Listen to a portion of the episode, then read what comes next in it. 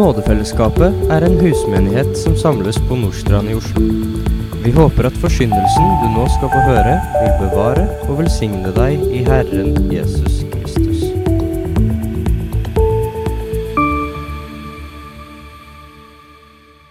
Kjære Herre, vi eh, takker deg for ditt ord.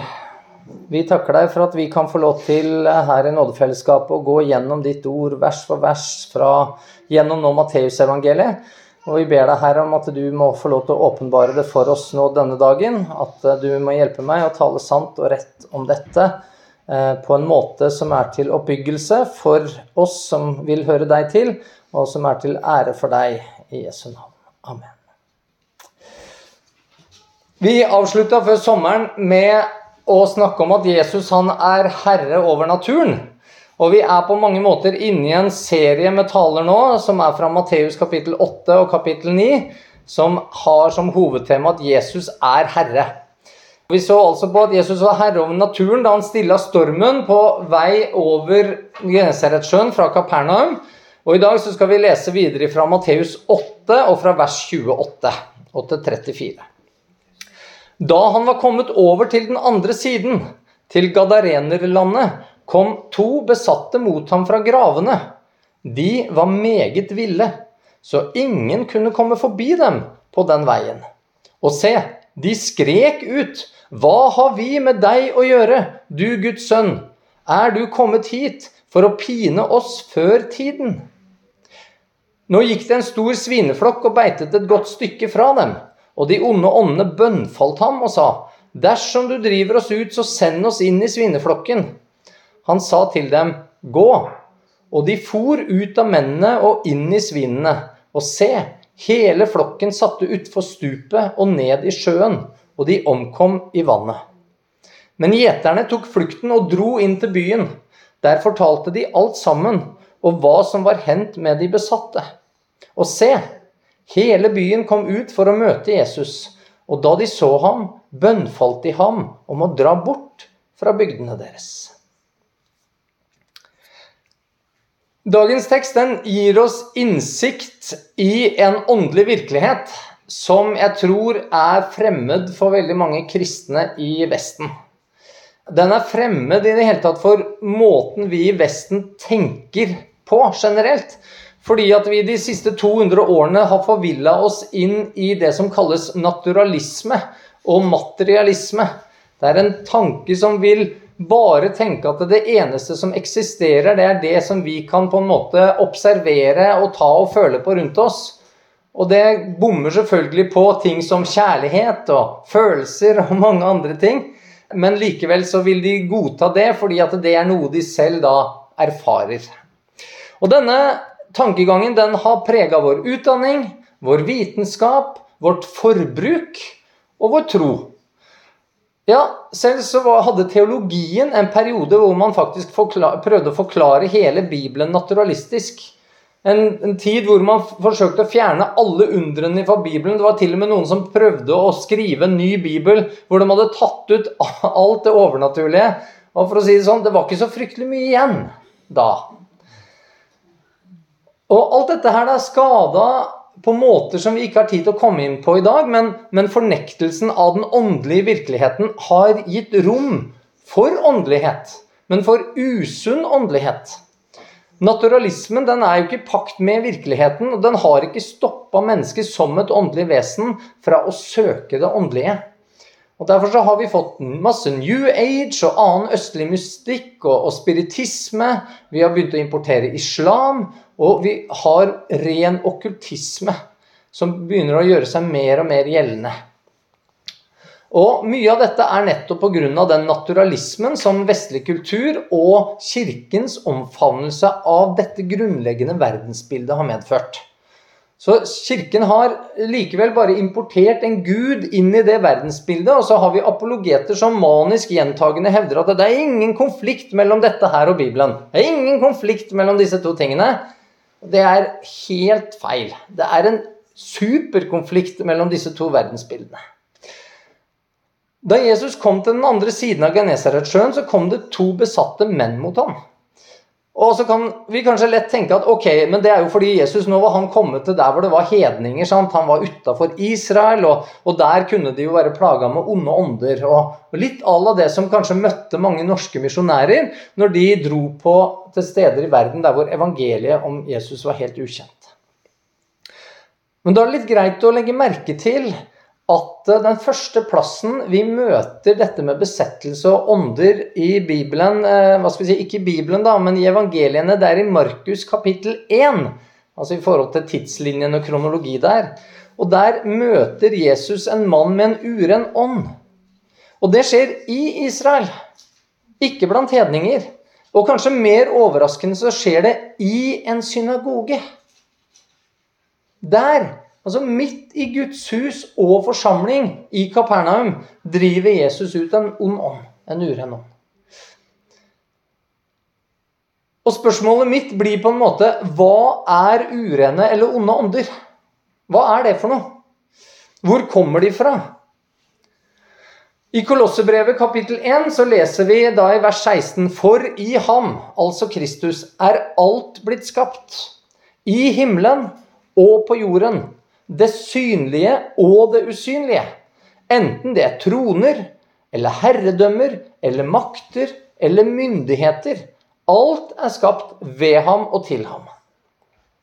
Så det finnes altså ikke noe verken av det naturlige eller det åndelige, det synlige eller usynlige, som ikke er skapt av Jesus. Men så oppstår det et paradoks her i møte med det verdensbildet som også veldig mange kristne bekjenner seg til nå i vår tid.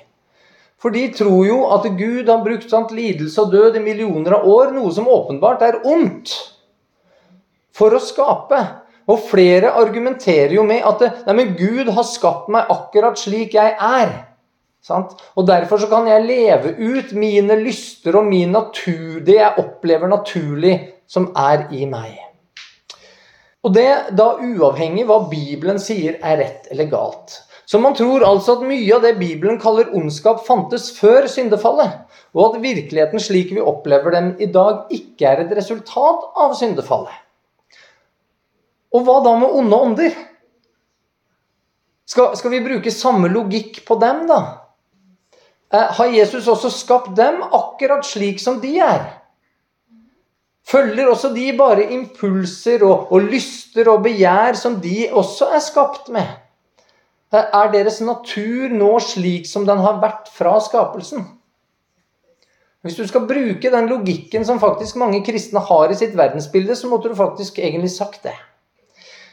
En slik forståelse den går tvert imot helt imot altså Bibelens beskrivelse av Gud som tre ganger hellig.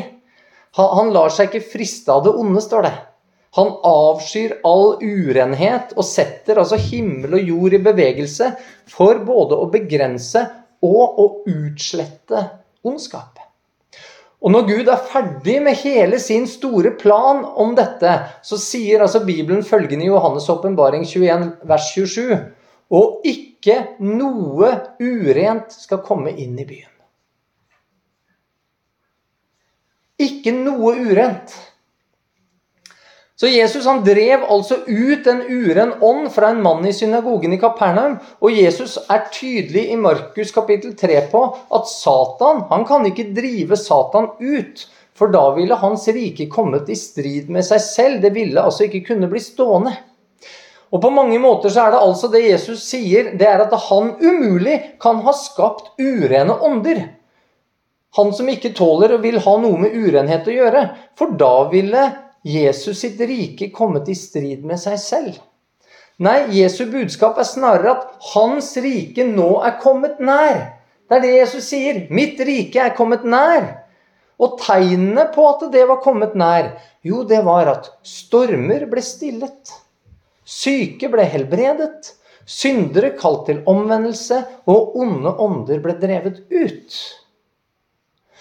Jesus er skaperen av alt, og derfor så kan ikke forklaringen på urene åndsmakter, syndige mennesker og onde erfaringer fra naturen komme fra skapelsen. Bibelen forteller da også tydelig at dette kommer fra et fall, og dette fallets konsekvenser for oss.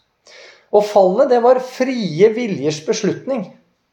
Både i åndeverdenen og blant mennesker. Så konsekvensene på naturen, det var Guds frie viljes beslutning for å hindre ondskapens omfang. Og så er det sånn at det fallet i engleverdenen, det ser vi, det hadde ikke universal effekt. Gud har fortsatt masse engler som er hans tjenere. Og det er jo fordi at eh, engler de synes å mangle en kjønnsdifferensiering. De blir altså utelukkende beskrevet som hannkjønn i Bibelen. Og de blir av mennesker alltid sett i form av en mann. Og de kan altså ikke, som Jesus sier, bli gitt til ekte eller tatt til ekte. To engler kan altså ikke bli ett. De, de får ikke avkom med hverandre, og de stammer ikke fra én en enkelt engel. Så de må altså være skapt individuelt, på samme måte som altså Gud har skapt billioner av stjerner, og han kjenner de alle ved navn. Og begrepet arvesynd det kan altså ikke gjelde i den åndelige verden blant englene. Og Likevel så har altså Lucifers fall det har fått store, store konsekvenser i den åndelige virkeligheten. Og Selv om det er en del uenighet blant teologer, så vil flere mene at Bibelen indikerer at oppimot en tredjedel av englene fulgte Lucifer i hans opprør mot Gud. Og til forskjell så fikk menneskers fall den fikk universal effekt. Fordi at vi alle stammer fra én. Vi alle stammer fra Adam, og Eva ble skapt fra Adams ribbein. Og tilfeldigvis, gudfeldigvis, er det det eneste benet i kroppen vår som vokser ut igjen. Og det bruker leger mye i bone graft-operasjoner. Og det gjør at Adam og Eva er ett. Og det gjør at alle mennesker kan bli ett når de kommer sammen seksuelt, altså en kvinne og en mann. Og som Paulus skriver i 1. Korinterne 6,16.: Eller vet dere ikke at den som holder seg til en horkvinne, er ett legeme med henne? For det er sagt, de to skal være ett kjød. Og Derfor så er dette alvoret som ligger i seksuelle synder, og, og den velsignelse som omgir et ren, rett samliv mellom en mann og en kvinne i et ekteskap. Lucifers fall forklarer altså hvorfor det finnes onde åndsmakter. Betyr dette da at de to mennene som vi møter i dagens tekst, at de er besatt av falne engler? Det vi vet, er at Bibelen beskriver aldri disse åndsmaktene som besetter mennesker som engler. Så hvem er disse onde og urene ånder? Hvem er det? Bibelen det gir oss ikke noe definitivt svar. Og Derfor så må vi fortsette med, med, stor forsiktighet og ydmykhet her, uten å slå fast noe som en fasit, bare så det er helt klart. Bibelen forteller likevel en del om engler og om onde ånder, som synes for meg å vitne om at vi har å gjøre med to forskjellige typer vesener. Engler de blir i Bibelen beskrevet på mange måter, og på en måte vi ikke rekker å se skikkelig på i dag, for det ville tatt veldig lang tid. Men i Lukas 20 så kan vi lese at engler kan ikke dø. De lever altså evig. I andre Samuels bok så leser vi at engler kjenner forskjell på godt og ondt. Det var jo ursynden som mennesket ble på en måte frista med, og det å kjenne godt og ondt. Vi ser at engler kan fly gjennom lufta. De er beskrevet som skinnende, som flammende ild med kropp kropper som ligner menneskers. Noen har flere sett med vinger og flere hoder som ligner forskjellige dyr, i tillegg til et menneskehode. Det synes å være forskjellig type engler. Det synes å være et hierarki der. Og i hvert fall så får vi høre at det fins flere erkeengler, men bare én som vi vet navnet på, nemlig Mikael. De blir sett av mennesker flere ganger i Bibelen. Og de har altså da ikke problemer med å manifestere seg synlig for mennesker. Så engler har altså en mulighet til å vise seg for oss. Bibelen forteller også klart at engler kan framstå i menneskers skikkelse. De kan tale med mennesker som et menneske. De satte seg i teltet med Abraham og spiste som et menneske. Og så sier hebreerne 13 tro, glem ikke gjestfrihet, for ved den har noen hatt engler til gjester uten å vite det. Og det betyr jo enkelt og greit at vi har ikke mulighet til å gjenkjenne eng, en engel fra et hvilket som helst annet menneske. De er ugjenkjennelige for oss på den måten. Så står det at djevelens listige angrep ifølge Efeserne 6 den kommer fra ondskapens ånde her. Og det er nærliggende å tro at denne åndehæren det er Satans hær av falne engler. Og de utgjør altså makter, myndigheter og verdens herskere, står det. Og disse synes å ha sitt oppholdssted en bestemt plass. Det er i himmelrommet. De lever altså i himmelrommet. Og Derfor blir vi minna på at vår kamp aldri er mot kjøtt og blod. Vår kamp den utkjempes gjennom å ta tanker til fange som går imot de tankene som Bibelen har. Altså, Vi skal ta de i fange i lydighet til Kristus, og Kristus er ordet. Og det gjør vi ved å rive ned festningsverker av løgnfulle ideologier som kommer forkledd både som religioner, vitenskap og politikk. Alle disse feltene skal vi, vi skal ta disse tankene til fange, og så skal vi rive ned disse festningsverkene som de har skapt og bygd opp. Om falne engler har beholdt disse egenskapene som de englene som ikke har falt, har, det sier jo ikke Bibelen noen ting om. Men jeg opplever at her har vi å gjøre med en logikk. Fordi Gud han skapte alt godt i utgangspunktet. Og Gud han vil ikke gjøre noe som er mot sin natur. Så vi kan anta at Gud ikke vil ta bort egenskaper som i hans øyne er gode og fullkomne. Og Det kan altså være naturlig å tenke at de falne englene vil ha de samme evner som englene som ikke er falt. Og I 2. Korinterbrev 11,4 så forteller i hvert fall den at Satan selv skaper seg jo om til en lysets engel. Og dersom Satan altså har beholdt kan altså ta på seg en form, eller beholdt sin form, og egenskapene ved å skape seg om, så er det naturlig å tenke at det kan også Hans ånde her gjøre. Mennesket ble heller ikke annerledes i sin fysikk og, og skapte form etter syndefallet. Vi beholdt det også da. Og så er det også menneskelige erfaringer utenom Bibelen som gjør at det er nærliggende å anta at falne engler kan manifestere seg til mennesker og ved å skape seg om på forskjellige måter. Altså gjøre seg synlig for mennesker. Flere har forska på det såkalte aliens-fenomenet, f.eks. Og de har også sett på hva mennesker opp igjennom hele historien har fortalt om sine møter med såkalt overnaturlige ting. Og ut ifra denne forskningen så synes det som om onde åndsmakter har en evne til å framstå for mennesker i en form som samsvarer med det som populærkulturen har skapt i sin fantasi til enhver tid. Så I gamle dager så var det sirenene ute på havet som lokka sjømenn osv. Eh, vi hadde nøkken, og vi hadde huldra i skogen. Og, og, i dag så er det altså aliens fra fjerne planeter og ufoer. Og Sammenholder man historiene som mennesker har fortalt i møte med slike opplevelser, så er de veldig like.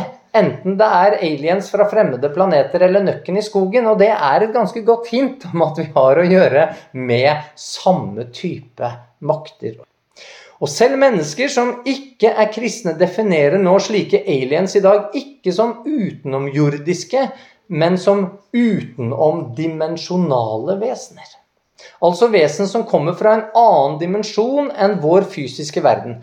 Og det stemmer perfekt med det Bibelen forteller om disse. Og så er det en kontrast til dette som vi møter i, i Bibelen da, eh, om engler, med det åndene som Jesus driver ut av mennesker. Jesus han beskriver disse som hvileløse vesener, som flakker omkring på tørre steder i Markus 11. De har ikke sitt hjem i himmelrommet. Nei, Jesus sier faktisk at de onde åndene beskriver et menneskets kropp som sitt hus. Som sitt hus. Og dette tyder på flere ting. Disse vesenene de synes å mangle en bolig for sin ånd. De synes å mangle evne til å manifestere seg synlig. Mangle en skikkelse å ikle seg, enten det er i form av et menneske eller en engel. Og De kan derfor synes å mangle noe fundamentalt ved seg selv mangle noe de en gang har hatt. Noe som altså gjør dem hvileløse. Flere av de besatte mennesker vi møter i Bibelen og har hørt om også fra moderne tid, de, dem vitner ikke akkurat om noen sånn superintelligens. De, de, de vitner ikke om disse voldsomme evnene som englene kjennetegnes ved. Det er ofte vold og skriking involvert. Og de som blir besatt, blir flere ganger framstilt som mer eller mindre gale og hvileløse. Og de to vi møter i dagens tekst, var meget ville, står det. Så ingen av de som bodde i området, de klarte å komme forbi på den veien der hvor de holdt til. Og så holdt de til på gravplassen. Altså jeg mener, Hvis dette her var superintelligente, eh, ressursfulle vesener på mange vis, hvorfor bygde de seg ikke et slott å bo i? Hvorfor drev de rundt der på gravplassen? Nå kan det selvfølgelig være at den galskapen som, som, viser seg, at det er en konsekvens av at den kroppen de har besatt, allerede har en ånd i seg. Og at det blir en form for kamp i dette besatte mennesket. Men vi kan også lese om stumme ånder og spådomsånder. Om besatte der galskapen kanskje synes mindre framtredende. Og der de til og med kunne bli brukt, og folk tjente penger på sånne mennesker osv. Det vitner i hvert fall om at det er en viss individualitet i disse åndene. De, de har forskjellige evner på mange vis, kan det virke som. Eh, og det vitner om altså at kanskje vi har å gjøre med altså individ på en måte. Det er ikke en sånn kollektiv bare masse av noen ting, men det er altså individ vi har å gjøre med.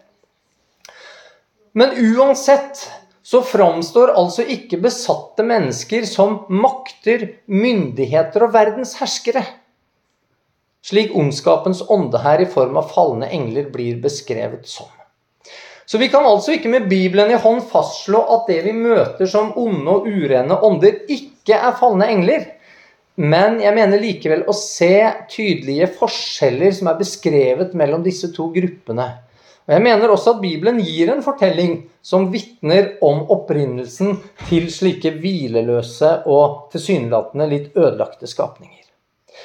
Jeg tror nemlig ikke at det vi møter i dagen, dagens tekst er noe som Gud originalt skapte.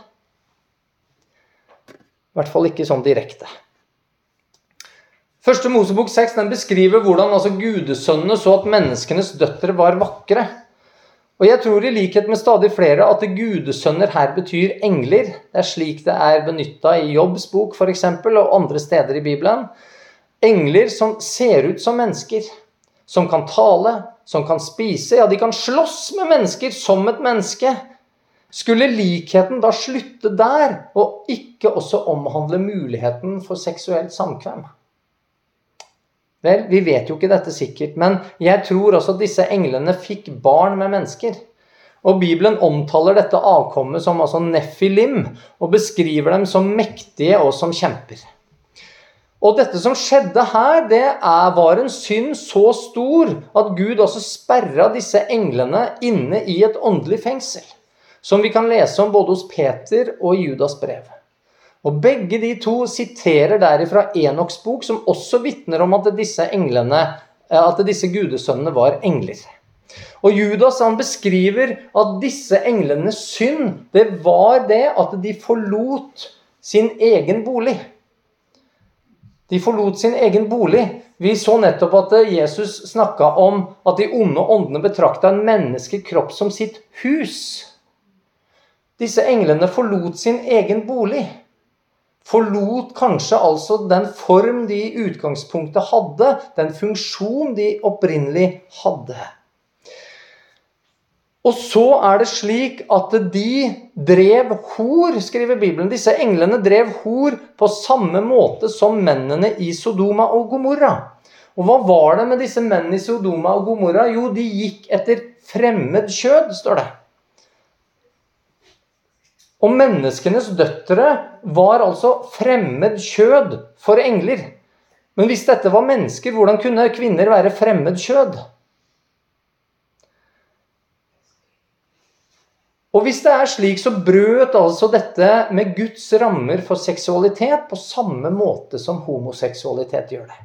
Det var seksualitet helt utafor de rammer som Gud hadde satt, med noen engler som gikk ut av sin bolig og tok seg en annen bolig. Og Denne synden førte til at jorden ble fylt med vold, står det. Og så står det at alt kjød ble korrupt.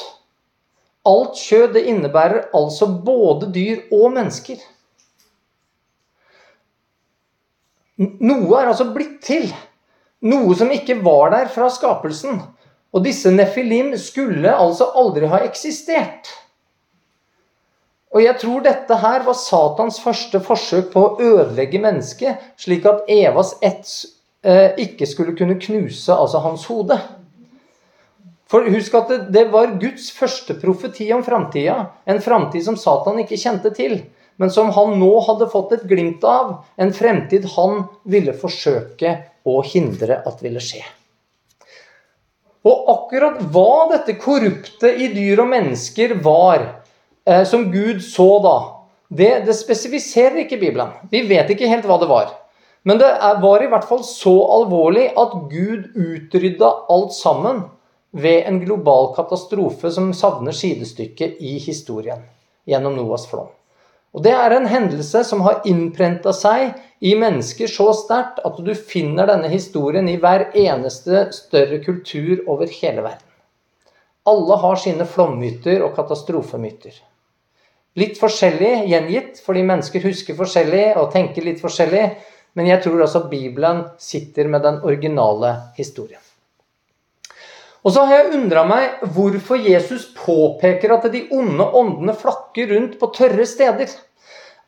Og jeg tror ikke at det er sånn enormt konkret informasjon Jeg tror ikke det står i Bibelen bare sånn på slump.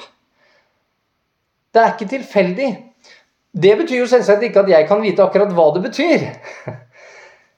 Men jeg har tenkt at dersom avkommet av foreningen mellom engler og mennesker mista sin kropp ved drukning, så gir det i hvert fall for meg mening at de åndene som levde i de kroppene, søker etter menneskers kropper som sitt hus, og at de vil ha en viss aversjon mot vann, slik at de holder seg på tørre plasser. Disse åndene vil da, hvis det er disse, så vil de ha hørt i 100 år at Noah forkynte. At han forkynte frelse, at han forkynte dom. Disse åndene har da erfart Guds dom. De vet at det Noah sa, det gikk i oppfyllelse. De vet at deres eksistens ikke er Guds vilje. De har eksistert hele veien siden flommen og fått med seg alle profetier og alt som har leda fram til akkurat denne dagen, hvor noen av dem møter Jesus i dagens tekst. Og så skriker de ut hva har vi med deg å gjøre, du Guds sønn? Er ikke det veldig merkelig, det åndene sier her? Har dere tenkt over det? Hva har vi med deg å gjøre? Jesus er skaperen av alle ting. Ja, selv troner herredømmer, makter og myndigheter, som vi leste fra Kolossebrevet. Det omhandler altså akkurat de tingene som ondskapens åndehær av falne engler i himmelrommet nå beskrives å ha. Makter og myndigheter. Jesus har definitivt noe med ondskapens åndehær å gjøre. Og hvert kne skal bøye seg for ham, står det. Alle som Jesus har skapt, har noe med Jesus å gjøre. Enten de liker det eller ikke. Ja, alle mennesker må en dag bekjenne at Jesus er Herre. Og disse åndene de har jo åpenbart full kontroll på hvem Jesus er. De fleste mennesker har ikke greie på det på denne tidspunktet. Men de, de vet at han er Guds sønn. Ja, i Markus 5 så står det 'Sønn av den høyeste Gud', kaller dem Jesus. Hvorfor er det akkurat som om de tror at de ikke har noe med Jesus å gjøre? har de forstått at de står utenfor Guds design. De forsto nok pga. alt det de hadde fått erfare og profetiene, hvorfor Jesus var kommet til jord. Jeg tror de forsto det. Den soning som skulle gjennomføres, det frelsesverk som Jesus levde og døde for, det riket han talte om. De visste at det handla om Adams ett. Og disse åndene visste med andre ord at denne frelsen omhandlet ikke dem. Og De visste at de allerede sto under Guds dom, for den hadde de jo allerede erfart. Og derfor så spør de videre Er du kommet hit for å pine oss før tiden? Er du kommet hit for å pine oss før tiden? Og disse som flakker da hvileløst omkring pga. sin tilstand, og som derfor allerede må kjenne på en form for pine, de vet hva som venter dem. De vet det. Ja, de synes å ha forstått at Jesu første komme, det er for tidlig. Det er jo interessant. Det er akkurat som om de vet hvor lang tid det skal gå før deres dom kommer. For de sier 'før tiden'. Hvordan kan de vite det? Har de kunnskap som, som Gud ikke har åpenbart? Nei, det kan vi ikke forvente. De er ikke allvitende. De er ikke allestedsnærværende. Det eneste disse åndene kan forholde seg til, det er det Gud allerede har åpenbart. Det betyr at Gud må ha åpenbart tiden. Det er litt interessant.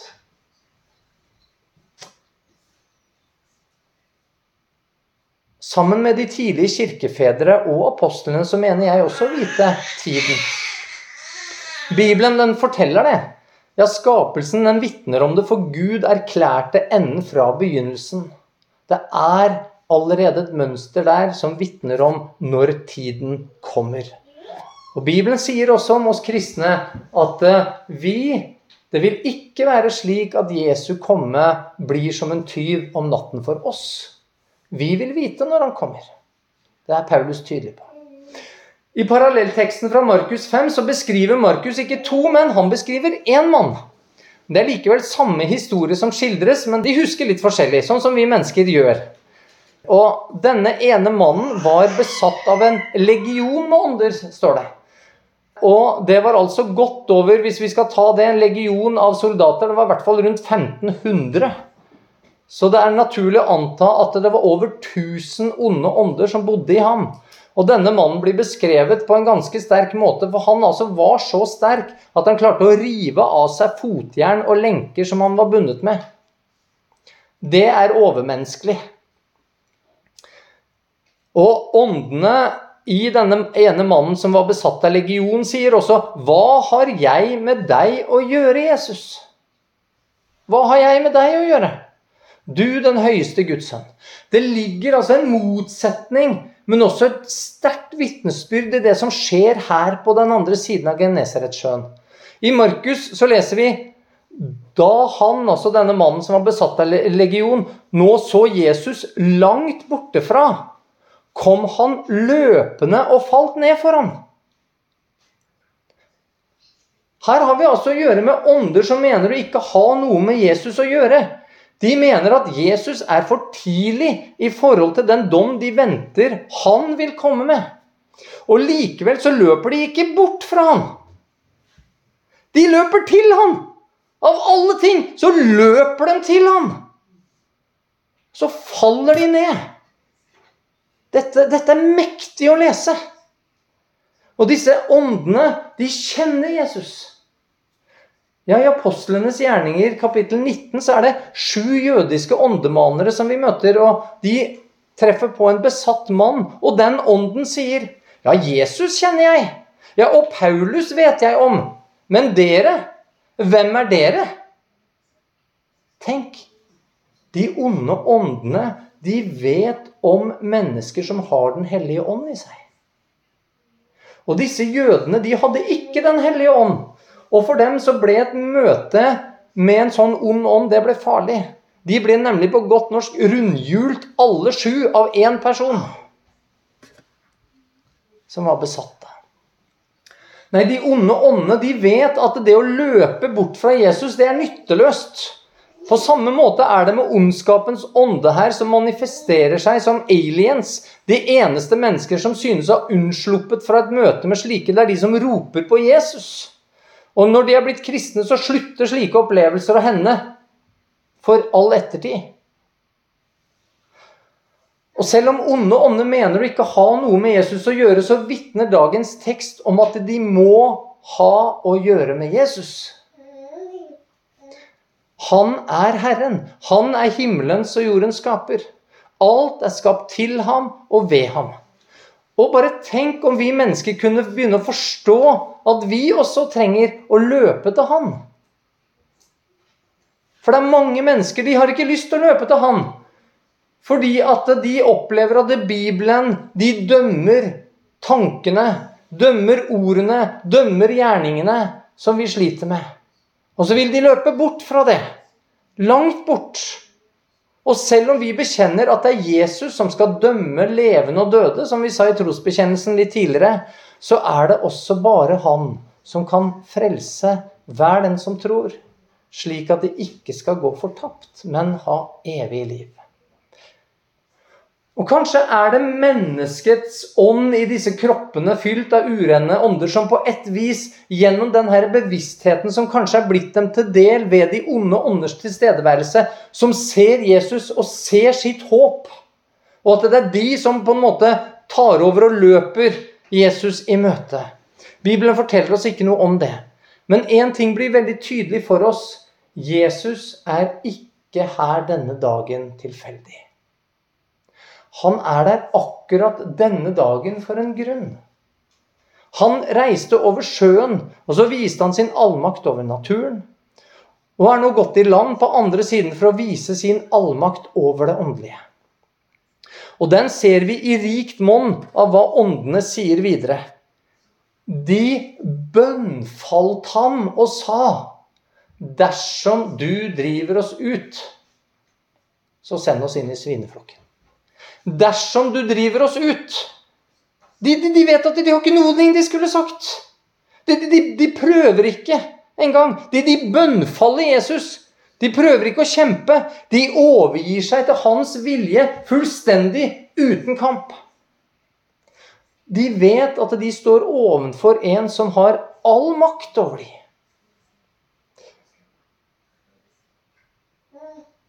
I sommer så samla Gud på underfullt vis sammen noen mennesker fra hver sin kant av landet. Mennesker som hadde noe å dele. Mennesker som trengte å lære det som ble delt. Mennesker som trengte helbredelsen av det som ble delt. Og Så fikk jeg lov til å være en av disse som både fikk dele noe som ble verdifullt for mennesker, men som også fikk oppleve å lære noe av andre rundt åndelighet og bundethet, som jeg tror Gud ser at jeg trengte. Noe som jeg opplevde veldig verdifullt. Og bare det at dette skjedde akkurat rett før jeg skal stå her og undervise om akkurat denne teksten, er litt for tilfeldig til at det er tilfeldig. Åndeligheten, venner, den er på full fart tilbake igjen inn i vårt samfunn. Ikke en sunn bibelsk åndelighet, men den type åndelighet som ønsker å binde deg, besette deg, ta fra deg friheten, gleden din, troen, håpet, ja, selve livet ditt. Og dette tror jeg vi vil oppleve i stadig sterkere grad også innad i menighetene. Akkurat som Jesus altså opplevde det midt i synagogen. Og jeg tror ikke mennesker som har Den hellige ånd, kan bli besatt, slik som disse mennene som vi møter i dagens tekst. Jeg tror likevel at sanne kristne både kan bli omringet av urene åndsmakter og forsøkt invadert av urene åndsmakter som vil binde oss på forskjellig vis. Og så har jeg altså fått høre historier om mennesker som har gått i konservative kristne sammenhenger, men som har vært bundet av åndsmakter. I Norge. Og disse tingene må vi snakke forsiktig om. Fordi alt vi erfarer, er ikke slik at det kan tilskrives åndsmakter. Slik er det ikke. Men vi lever i en naturalistisk vitenskapsforståelse som har utelukka det åndelige totalt. Som har gjort kristne blinde for, eller veldig lite sensitive for, den åndelige virkelighet som vi lever i. En, en vitenskap som har skapt sine definisjoner og diagnoser på både fysiske og psykiske tilstander. Som rett og slett kan være helt feil fordi de utelukker den åndelige dimensjonen. Jeg har lyst til å illustrere det ved et par veldig banale eksempler. Som egentlig ikke handler noe om åndelighet. Men disse eksemplene de viser hvordan menneskelige definisjoner hvordan de påvirker oss. Hvordan de skaper forventninger hos oss og lar oss begynne å godta en del tilstander vi ikke nødvendigvis trengte å godta. Dere har sikkert alle hørt om trassalder. Ja, Det er jo gjerne når et lite barn skal ha nådd en viss alder, gjerne sånn rundt tre år. Og dere har sikkert hørt også om tenåringsopprør. Begge er jo menneskelige definisjoner. Det er liksom vedtatte sannheter som gjør at vi gjerne forventer en viss oppførsel, eller godtar den til og med, fordi vedkommende 'Å ja, ja, ja, men han er jo i trassalderen', eller 'Å ja, han er jo akkurat blitt tenåring'. Hvorfor i all verden skal vi forvente eller godta trass og opprør? Skapte Gud trassalder? Skapte han tenåringsopprør? Hva, hva står det om det i Bibelen i det hele tatt? Nei, de er jo begge et resultat av et syndefall som preger alle mennesker i alle aldre. Det er selvsagt naturlige grunner i et menneskets utvikling som tilsier at både trass og opprør kan skje, men må det skje? Kan jeg unnskylde at det skjer pga. at mennesker har gitt et navn på fenomenet? Min erfaring er at vi verken har opplevd trassalder eller tenåringsopprør egentlig hos noen av våre barn. Og selv hadde jeg heller ikke noe tenåringsopprør, og ifølge kona mi hadde ikke hodet heller. Vi, vi har ønska å ha Jesus til herre i vårt liv. Vi har oppdratt, irettesatt, undervist og tukta slik Bibelen formaner oss å gjøre. Vi er ikke perfekte eller spesielt gode foreldre, men vi har forsøkt å være lydige mot Gud.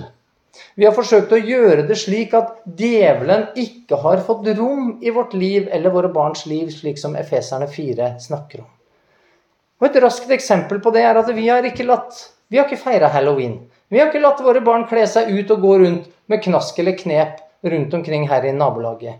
Vi har ønska å la Bibelen få definere våre handlinger og forventninger til handling og til oppførsel, og ikke menneskers definisjoner og forståelse av virkeligheten. I sommer har jeg hørt lange vitnesbyrd om mennesker som har blitt satt i frihet og funnet forløsning fra tunge tanker, depresjon, mørke og fryktdiagnoser. Mennesker som har fått den menneskelige merkelappen autisme. Som liksom er ikke mulig å gjøre noen ting med, ifølge vitenskapen. En som ikke kunne snakke omtrent, som nesten ikke snakka i det hele tatt. Som hadde tvangstanker, og som fungerte ufattelig dårlig sosialt. En som altså blir radikalt forvandla som begynte å snakke, der tvangstanker forsvinner, og der vedkommende gikk fra å ha to i snitt i karakterer, det er jo bare fordi han kan ikke gå lavere, til å ha gått over fire i snitt på ett semester. Ekteskap som har fått blomstre fordi frihet har kommet til i livene til de som har vært bundet. Mennesker som har forsøkt alt som moderne psykologi og psykiatri kan gi av hjelp. Og disse har blitt forløst ved å erkjenne at Jesus kan hjelpe. Ved å erkjenne at det er onde åndsmakter som kan stå bak. Jeg sier ikke som alltid står bak, men som kan stå bak.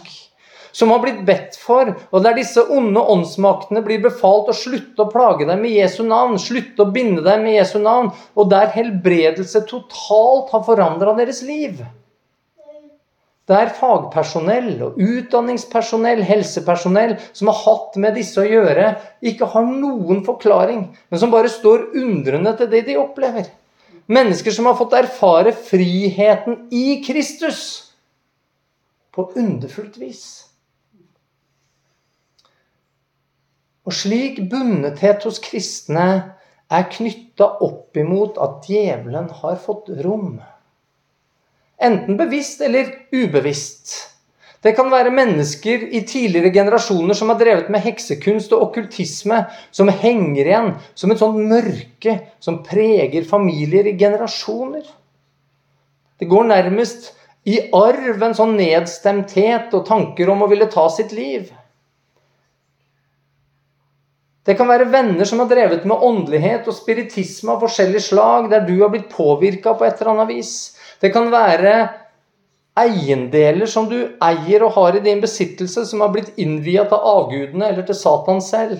Det kan være bøker du leser, spill du spiller, filmer eller TV-serier du ser på, eller du lar dine barn se på og spille. Musikk du lytter til. Kulturer du har besøkt der åndsmakter, påkallelse og forbannelser blir forkynt. Det kan også handle om uoppgjort synd.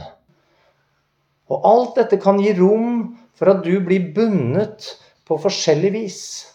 En, en bundethet som påvirker deg psykisk og fysisk, for disse to tingene er uatskillelige. Det sa Bibelen lenge før vi lærte om psykosomatiske lidelser. Som påvirker dine relasjoner, ditt ekteskap og ditt forhold til Jesus. Jesus han frigjorde mennene i dagens tekst. Mannen med en legion av ånder i seg. Og disse åndene var så desperate etter å ha et hus at alt synes bedre enn å flakke rundt på tørre steder hvilløst. De ber derfor om lov til å fare inn i en griseflokk. Og det var ikke bare en liten flokk, det var 2000 gris som holdt til et lite stykke unna. Og det kan muligens fortelle noe om mengden av onde ånder vi har med å gjøre. Og hvorfor trenger disse 2000 gris når over 1000 onde ånder kunne bo i ett menneske? Jo, kanskje forteller det noe om at gris ikke er et egnet sted for en sånn type ånd, som har en sånt nivå av intellekt eller intelligens eller selvbevissthet. Den galskap som synes å komme i mennesker som blir besatt, virker å bli mangedobla når disse grisene blir besatt. Og igjen så vitner det om at kanskje dette har noe med en egnethet Det er altså ikke denne kroppen som de hadde i utgangspunktet. Uansett så ender det opp med at disse grisene de styrter altså utfor en klippe ved sjøen, og så drukner de alle sammen. Jeg synes Det er bare fascinerende hvorfor sånne detaljer er tatt med. Igjen, jeg tror ikke det er tilfeldig. Og igjen, det betyr ikke at jeg kan vite hva det betyr. Men ut fra det jeg altså mener å se i Bibelen, så synes denne drukningsdøden å ha noe profetisk bekreftende over seg med tanke på hva som skjedde under Noas flom. Jesus hadde suveren makt over disse onde åndene selv før han døde på korset. Selv over de ånder som mente å ikke ha noe med Jesus å gjøre. Og ondskapens ånde her i himmelrommet har definitivt noe med Jesus å gjøre. Og det bekrefter Bibelen tydelig, og vi kan lese om det i Kolosserne 2,15. Der står det Jesus avvæpnet maktene og myndighetene og stilte den åpenlyst til skue da han viste seg som seierherre over dem på korset.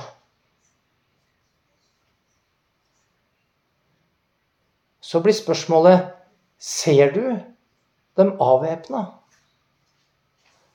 Ser du at Jesus har avslørt deres løgner? Deres ideologier? deres forførelser. At Jesus har stilt dem åpenlyst til skue.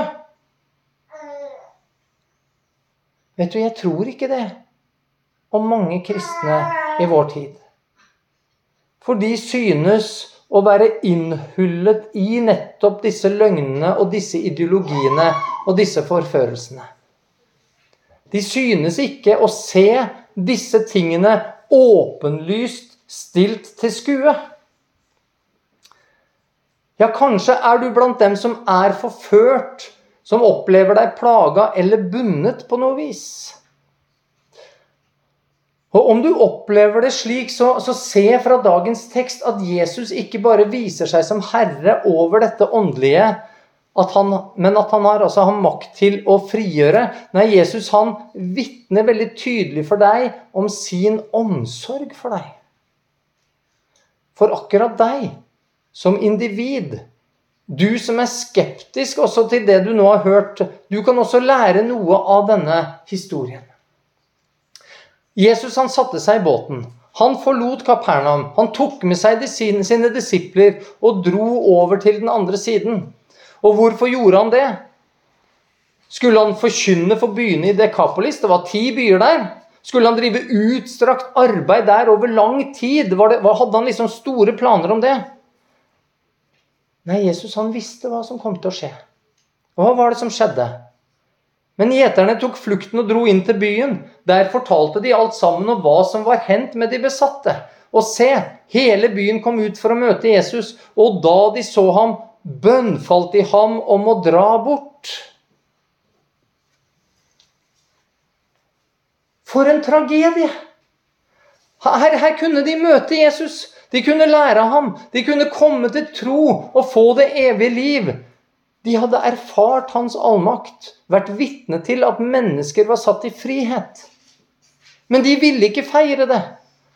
De ville ikke invitere Jesus til byen for å fortelle dem mer om sitt rike. De ville ikke høre mer fra de besatte som var frigjort.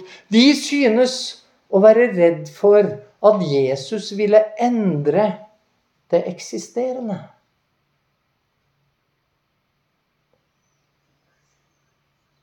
Kanskje tror du at det bare gjaldt disse menneskene denne gangen. Men da vil jeg fortelle deg at selv i konservative norske menigheter så har jeg fått høre fra frigjorte at det er akkurat det samme som har skjedd med dem. Menigheten ville ikke feire deres frihet. Ville ikke høre deres vitnesbyrd. Ville ikke ta inn over seg det som var skjedd. Det var ingen som kom og gratulerte de omtrent. Det var vel én som hadde vært med å be for de, som var glad over denne nyheten, over dette fantastiske som har skjedd i denne familiens liv. Én av en hel menighet. Nei, de ville altså ikke ta inn over seg dette. Og om det var deres, eller om det er deres teologi, eller noe annet som altså sto i veien, det vites ikke. Men alvorlig er det uansett. For det synes altså som om de var mest redd for den endring dette kunne medføre. Kanskje måtte de begynne å tenke litt annerledes. Kanskje måtte pastoren begynne å forkynne litt annerledes. Kanskje måtte de åpne opp for noe de ikke ville. De var akkurat som menneskene her på Jesus sin tid. Men om du kjenner deg bundet, så merk deg slutten på denne fortellingen. Og den leser vi egentlig først når vi blar om til kapittel 9, og i vers 1. Jesus gikk da om bord i båten og satte over sjøen og kom til sin egen by. Jesus han reiste tilbake igjen der han kom fra, til Kapernaum, dit han nettopp reiste fra. Og Jesus han visste at alt dette her kom til å skje før han dro. Likevel så reiste han over sjøen og stillet stormen. Og hvorfor gjorde han det? Jo, fordi han så behovet til den ene.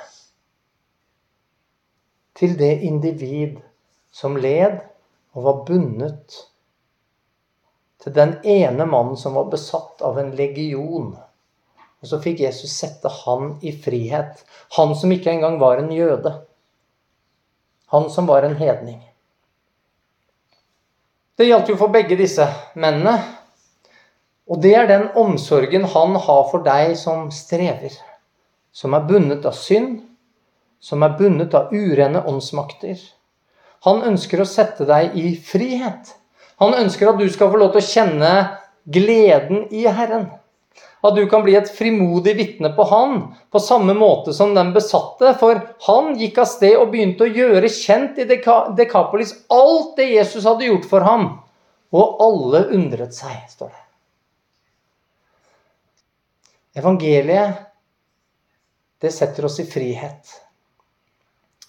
Og så har vi ikke samtalt og undervist om dette i dag for at vi skal bli veldig veldig opptatt av å se det åndelige overalt rundt oss, men at vi skal være klar over at det kan være en del av det vi er nødt til å måtte forholde oss til. En del av det vi kan møte på, og som vi må gjøre noe med om vi møter det. Men det er én ting som er viktigere enn det, og det er at Guds måte for å frigjøre mennesker på er primært én ting og det er gjennom forkynnelsen av evangeliet. At Jesus er kommet, tatt på seg din og min skyld, sonet det og overvunnet dødens makt, og oppreist og sitter ved Faderens høyre hånd og er nå i forbønn for deg og meg, for at vi skal bli bevart hele veien hjem. Men om du opplever å være bundet, så vil jeg at du skal ta kontakt med en kristen eldste som du har tillit til. Og Kanskje er det slik at vedkommende som så mange andre ikke har erfaring med dette, og så må han henvise deg til noen andre. Kanskje kan det ta tid.